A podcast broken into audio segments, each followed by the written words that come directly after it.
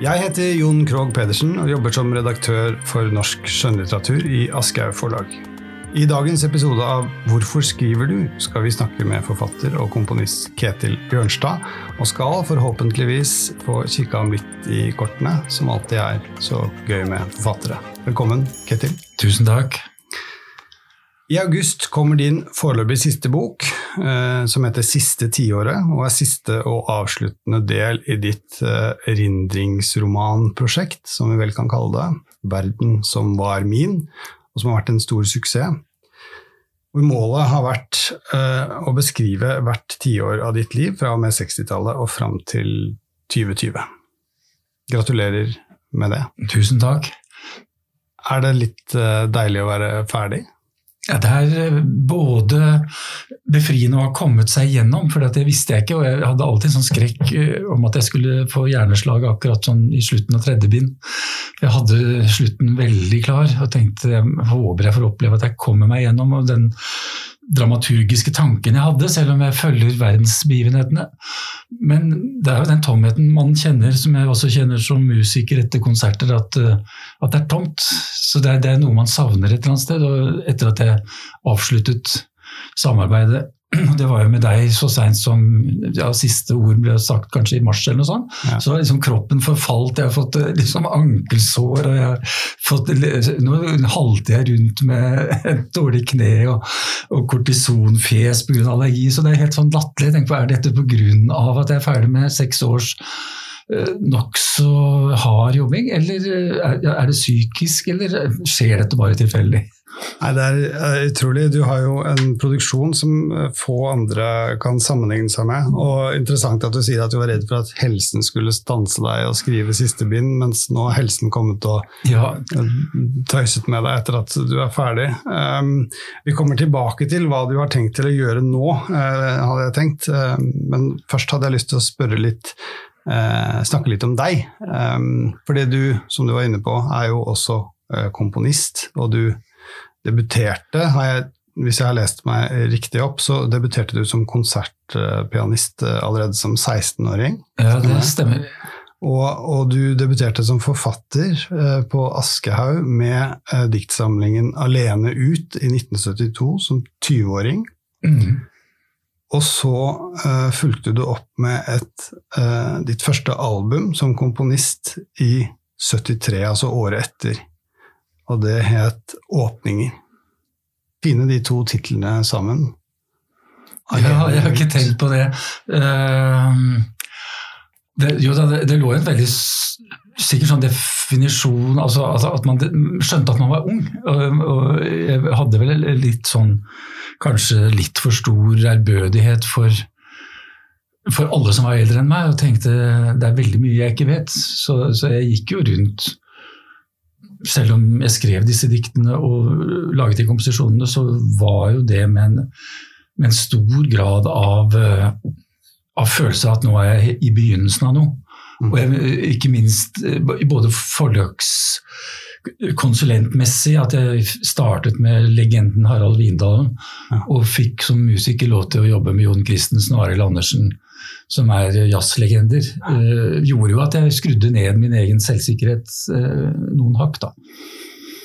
Men samtidig så har du produsert, altså da, så vidt jeg kan forstå altså Din biografi var så lang der jeg fant den på internett at jeg måtte lime den inn i Excel for å klare å telle Efter, antall ja. bøker. Og det var da 49 eh, bøker. Er det det? Ja? Det, jeg tenker jo aldri kvantitet, og kvantitet er jo ofte ikke engang forbundet med kvalitet. Så, men jeg har jo hatt en, et liv da uten barn helt til 2003. Mm. Og 16 av de årene på 70- og 80-tallet bodde jeg jo på en øy utenfor Tvedestrand, Vestre Sandøya, hvor det jo ikke var en eneste kafé. Mm. Og det var ingenting annet å gjøre enn å egentlig leve med den man var glad i, og se noen venner nå og da, og gå turer og, og jobbe mm. Arbeide, ja. Så du har gitt ut eh, en plate og en bok omtrent årlig? Eller, ja, eller det, det, det, er jo ikke unormalt. Altså, det var kanskje mer unormalt i gamle dager. Ja. Og da hadde man Olav H. Hauge, og man skal ikke skrive mer enn én diktsamling hvert femte år. ikke sant? Nei. Uh, dette er jo litt borte nå. Det er jo kanskje den nye mediasituasjonen, at alt er blitt tilgjengelig. Vi har masse input overalt fra, og det gjør jo også at det, hvis man ser på en del rappartister og unge, yngre mennesker i dag, så produserer de antagelig veldig mye mer enn det jeg gjorde. Mm. Jeg tenker jo også på det som enormt imponerende. Ja, da. Du sier huff, da, når jeg sier hvor lang den er. Nei, man må, men jeg tenker at den produksjonen på, ja, nei, men alle, alle, tingene har vært veldig viktige for meg. Det har ikke vært sånn at jeg bare har tenkt nå må jeg gjøre ferdig en bok. Så det har jo vært at den ene ideen har tatt den andre. Ja. Jeg så på tittellisten på, på, både bokutgivelsene og på, på musikkutgivelsene. Så så jeg vet ikke om, jeg, om det er et sånt samspill i måten du har tenkt musikk og, og litteratur på. Eh, det kom etter hvert. for I starten så var jo det å holde på med to ting veldig mistenkeliggjørende. Uh, ja. Jeg husker lyrikeren Finn Strømstedt, som også var en veldig bra maler. Han hadde den uh, erfaringen at alle malerne sa det er utrolig fine dikt du skriver, Finn. Og så alle forfatterne sa du er en kjempebra maler. Og man ble ikke tatt helt på alvor Nei. innenfor det. Så jeg var veldig streng med å ikke lene meg på musikken hvis jeg ga ut en bok, eller omvendt. Ja. Det er faktisk ikke før i 2004 da jeg skrev til musikken at jeg for første gang innrømmet at det er en sammenheng. Nettopp. Det er en stor sammenheng, og da begynte og da hadde jeg vel også en plate som jeg fikk ut på ECM som het Vindingsspiel på tysk, da, som er musikken til mitt indre soundtrack av de tre bøkene om Aksel Winding. Nettopp. Spennende det samspillet. Ja, det kan være det, men det kan være forstyrrende òg. Fordi det, det, to vidt forskjellige uttrykksformer. Altså, musikken går jo rett inn i følelsene med en gang, mens boken går jo lange omveier. Mm langt inn i hjernen, og du vet ikke om det du leser, om du liker det helt. eller altså, En bok, er noe, særlig en roman, noe man arbeider med over tid. Ofte i mange uker. Mm. Hvis du skulle svare på det spørsmålet som da er det eh, faste spørsmålet i denne spalten, hvorfor eh, skriver du? Hva, hva vil du svare da? Jeg tror Det er en refleks av hvorfor leser jeg. Altså jeg tror Det å vokse opp med to foreldre som ikke var snobbete Far var faktisk bibliotekutdannet, selv om han var ingeniør. Mm. Og mor som bare var i de lavere underbetalte yrker. Bokhandler, satt i kassen på gamle Tanum, på Karl Johan, var på Deichman. Øh, og så han øh, hadde veldig mye musikk i seg, og far hadde og, og mye litteratur faktisk, og far også. Og de ga meg jo opplevelser som fikk meg til å skjønne at i denne såkalte kunstens verden ligger så mye av gleden ved å leve. Gleden ved å reflektere, gleden ved å få en musikkopplevelse.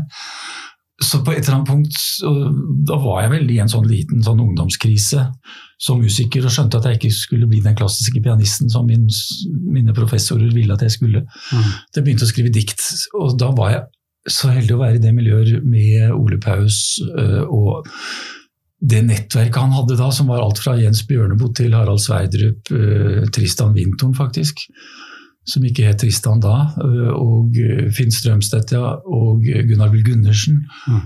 Åsmund Brynildsen er veldig sterke personligheter, og de oppmuntret meg jo da jeg hadde sett da hadde turt å vise dem noen av diktene, særlig Harald Sverdrup. Og så sendte jeg det til Aschehoug, og så ble det den første poesiboken. da. Du ble antatt på første? Ja, det, det var nesten overraskende, fordi jeg tenkte på har jeg gått den bakveien nå? For jeg kjente han uh, Jens Ludvig Høst, som var salgssjef den gangen. Mm. En legendarisk mann som reiste rundt og tilbød bokhandlere rekesmørbrød og kaffe, og så kveldsforestilling med kanskje litt vin og masse forfattere. Jeg husker Anne Karin Elstad jeg tror hun håndhilste på hver eneste leser hun hadde. Jeg reiste ofte sammen med henne. Så, men, men, det er klart, å bli antatt er noe annet. Og da jeg kom inn på Harald Vindalens kontor, som er et legendarisk kontor i denne bygningen, eh, og så ham og visste hvem han var, og hvem han hadde vært eh, konsulent for i eh, Aksel Sandemose f.eks., mm.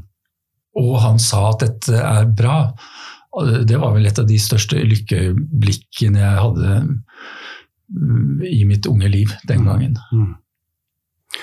Når du har uh, skrevet da uh, stadig nye, uh, først, først, diktsamlinger og deretter romaner, så biografier og dokumentarromaner, og så etter hvert mot dette erindringsprosjektet. Hva er det som har vært drivkraften i, i, den utviklingen, og hva, hva, var det som fikk deg til å, å altså, Hvordan kom du opp med dette eh, siste prosjektet?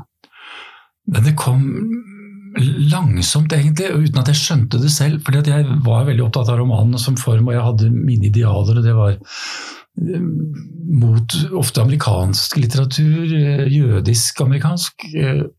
Eh, Isak Singer og Sol Bello, mm. Malamud, sånne folk som, som, jeg satte enormt høyt. Mm. Og tenkte at hvis man skal uttrykke noe gjennom en roman, så, så må det så må det ha en, en tilhører Men det, altså, i hvert fall ikke være for gjennomskuelig personlig. Altså, jeg var veldig langt fra virkelighetslitteraturen i de aller fleste bøker. Mm. Kanskje fram til, fram til, til musikken. Og så var det det at i 1998, under fotball-VM i Frankrike, da Drillo kom til åttendedelsfinale, og gjengen, og den der berømmelige sankthansaften uh, i Marseille, så var det Ole Paus som spurte For at jeg bodde i Paris fordi min kone var korrespondent for VG, ja. og Ole og jeg hadde lyst til å se hverandre, så han, han spurte om ikke man kunne lure et forlag til å sponse at, at han dro ned til fotball-VM, og så skrev vi en fotballbok sammen. For han visste at jeg var helt uinteressert i fotball, og han ja. elsket jo fotball og var en sånn stor Drillo-fan. Ja, og så tror jeg han ble litt sjokkert, for jeg satt jo der nede og fakset ham. Jeg var den som begynte å skrive, og jeg begynte å skrive før VM var i gang. Ja. Og det var helt personlig. Det var liksom navn, navngitte folk. Kjell Magne Bondevik, Ole Paus, ja. min kone. Alt sånn. Og så var det så vanvittig morsomt, og så responderte han også og gjorde det. Og vi hadde en enorm dialog. Og så ble det en bok som var som først og fremst var, var, humoristisk ment, men også alvorlig. Vi fortalte veldig mye fra hver vår kant om våre liv. Mm. Og så avsluttet vi det. og Så tenkte jeg at dette er en engangsforeteelse. Mm. Jeg tenkte ikke mer på det. Men så kom det tilbake med denne Veien til Mozart, som vel kom i 2013. Mm. Hvor jeg jo hadde skjønt at jeg var blitt bedt om å skrive en biografi om Mozart, og så så jeg jo at det fantes så veldig mange bra biografier om Mozart. og Det er noe jeg ikke gidder liksom å, å lene meg på noe som allerede er nesten uttømt. Mm. Så da spurte jeg jo det forlaget som hadde spurt meg først om jeg kunne blande inn meg selv, og så kalle det 'Veien til Mozart' og skrive om hvordan jeg har øvd ham i alle år. og, og altså Hvordan man forholder seg til et geni. Mm. Uh, som en vanlig dødelig person, og da sa jo Aschehoug ja til det. Og der er de sekvensene som egentlig er prologen til 60-tallet. Mm. For der skriver jeg om en del av det samme. Og så tenkte jeg at dette er utrolig overraskende sterkt for meg også. Uh, ikke bare morsomt, men, men, det å minnes og gå tilbake til dager i din barndom. Mm. Som jeg nesten hadde glemt, og begynne å tenke på dem og gi seg tid til å tenke på dem. Så husker man mennesker og jeg hentet min kjære tante Svanhild opp fra de døde og fikk henne levende igjen på min netthinne. Da. Jeg så henne, jeg hadde holdt på å glemme henne. Mm. Og så tenkte jeg hvor mye betydde hun for meg som barn, og jeg så mor og far. Og, og, så tenkte jeg da kan jeg ikke kjøre et sånt knausgårdløp og være helt inne i min egen intimsone. Det må være en idé med det, og ideen var jo nettopp tiårene. Eh, og hendelsene i den store verden samtidig, mm. og meg selv opp mot dem. For vi har jo alle vært påvirket av det som skjedde. Og i det, mitt tilfelle så startet jo med dramatiske ting 1960 med nedskytningen av U2-flyet og Cuba-krisen rett etterpå. Mm. Veldig svære politiske hendelser. Mm. Og jeg så at det var mer enn nok å ta av, så sånn var det egentlig da det startet. Interessant at Drillo hadde en liten eh, bit i det. Jeg ser nesten et skjebnefellesskap mellom oss der. fordi den sommeren du, du viser til, da gikk jeg rundt i, i Paris med en sånn T-skjorte hvor det sto 'Hvem faen er Drillo?' På. Var du på også sånn litt ignorant? Altså, ja, ja, du hevet deg over fotballen? Ja, litt sånn. Ja. Du, du, studerte litteratur og Ja, det var før jeg begynte på litteratur, faktisk. Men jeg reagerte veldig på det. Det er så morsomt. Kanskje vi så hverandre? Kanskje vi gikk forbi hverandre? Mm. Jeg bodde på Ilsheim Saint-Louis. Kan- Der kjøpte du sikkert iskrem, for det gjør jo alle. Ja, ikke sant? Der nede på Bertillon. Ja, ja, ja, da snakker vi. Nei, altså det, det har jo vært en, en, en, en reise med denne, denne boken, og, eller disse bøkene. Og når man leser, så er det jo en sånn blanding av, eh, av altså Det er ekstremt slående, tenker jeg, hvor mye man har glemt. Eh, Så det er interessant å høre det du sier om på en måte å løfte frem fra erindringen. Jobbe med å huske dine egne barndomsminner. Eh, Hvordan er det hvordan er det du har arbeidet med dette, rent sånn metodisk?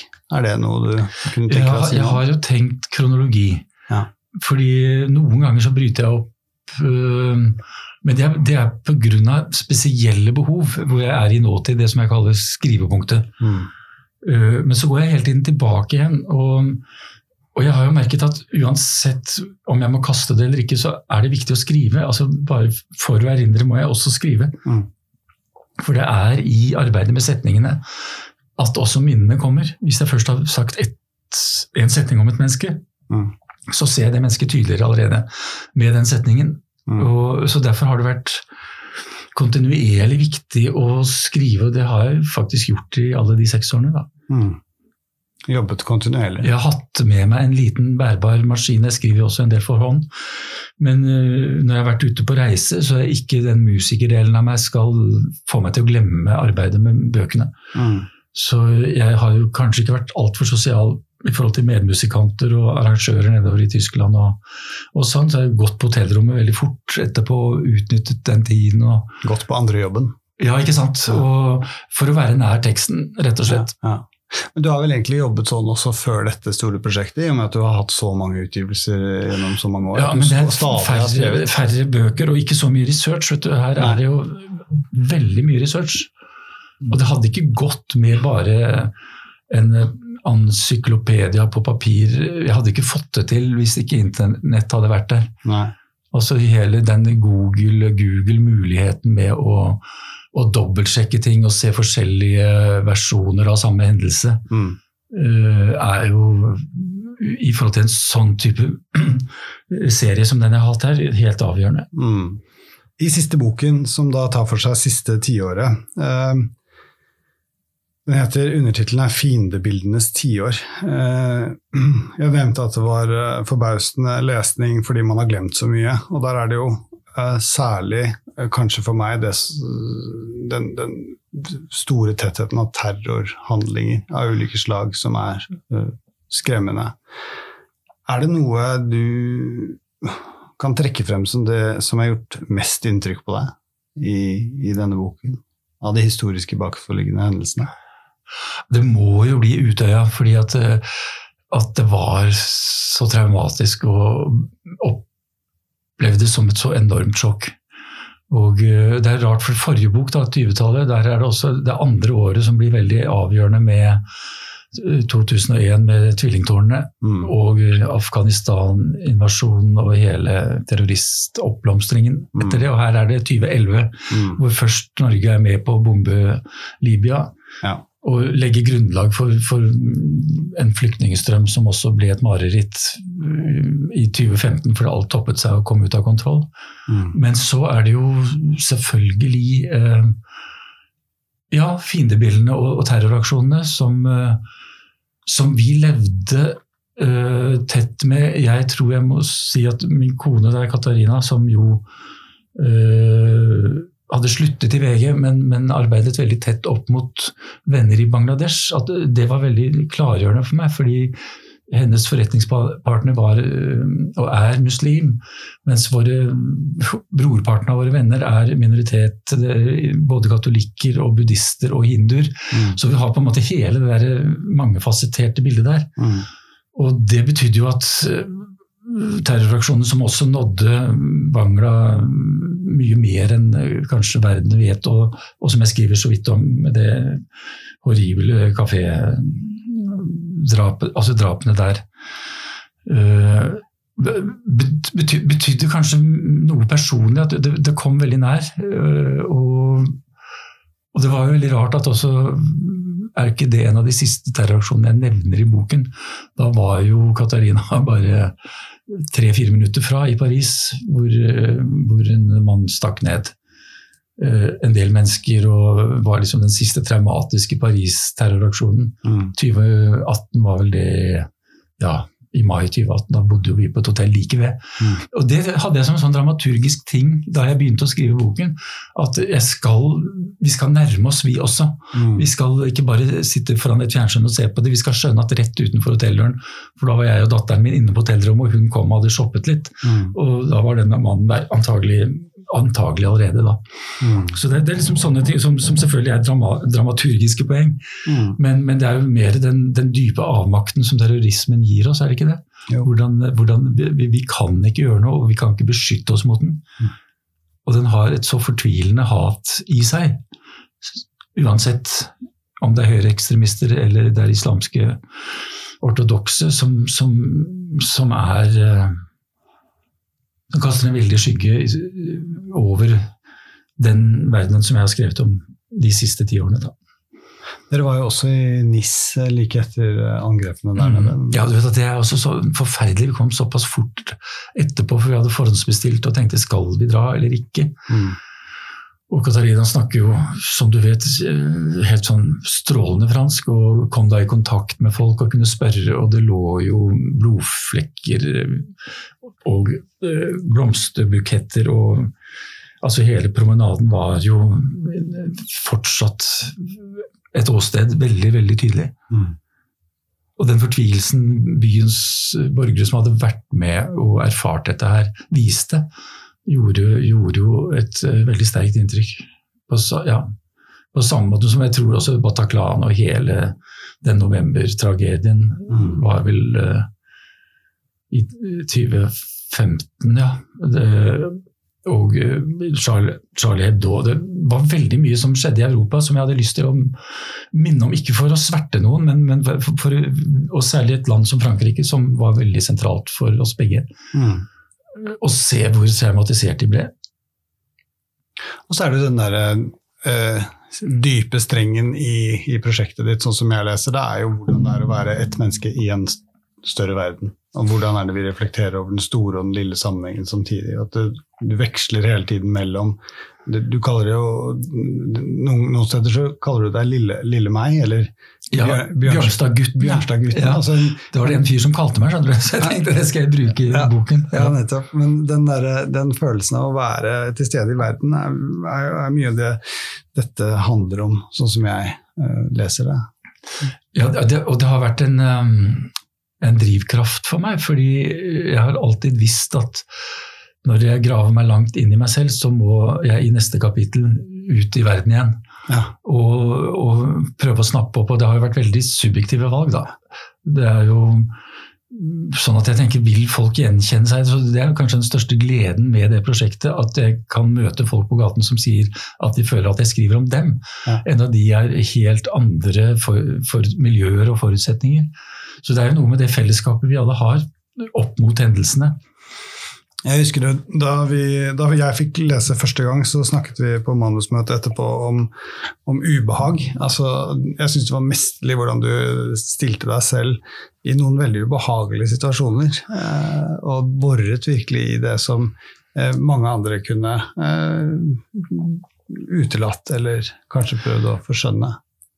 Det er jo pakten med leseren som vi snakket om også, at, at man kan jo ikke gjøre seg eh, altfor praktfull. Man, man, må på sett og vis rive ned eh, forsvarsverket. og det er jo ofte det ubehagelige som også er mest spennende litterært. Altså, så Derfor har jo det å finne de situasjonene som det er mange av gjennom et liv, hvor, hvor, tingene er enten veldig pinlige eller veldig gale, og, og, og ting som jeg plages av, um, viktig å få med på sett og vis. Pinligheter er godt litterært eh, drivstoff. Ja, Det er det jo alltid. Og der kan jo humoren selvfølgelig komme inn også. Så jeg håper jo det at uh, altså det, er, det, er, viktig for meg å, å, tenke at noen bør le under dette kapitlet. Ikke sant? Man, man ønsker jo det også. Ja. ja. det er jeg sikker på det gjør. Det er rørende, og det er, over, det er overveldende. Um, jeg lurer på om vi sier takk eh, for nå, eh, Kjetil. Takk, takk, Nei, takk for nå, Ketil. Ja, men du, altså, Ole Paus, min beste venn, sier Kjetil, ikke sant? Ja. Men jeg må si takk også. Du er jo da min, min nye redaktør her på, på, huset, og det har vært en sann svir å jobbe med deg. Så hyggelig. I like måte.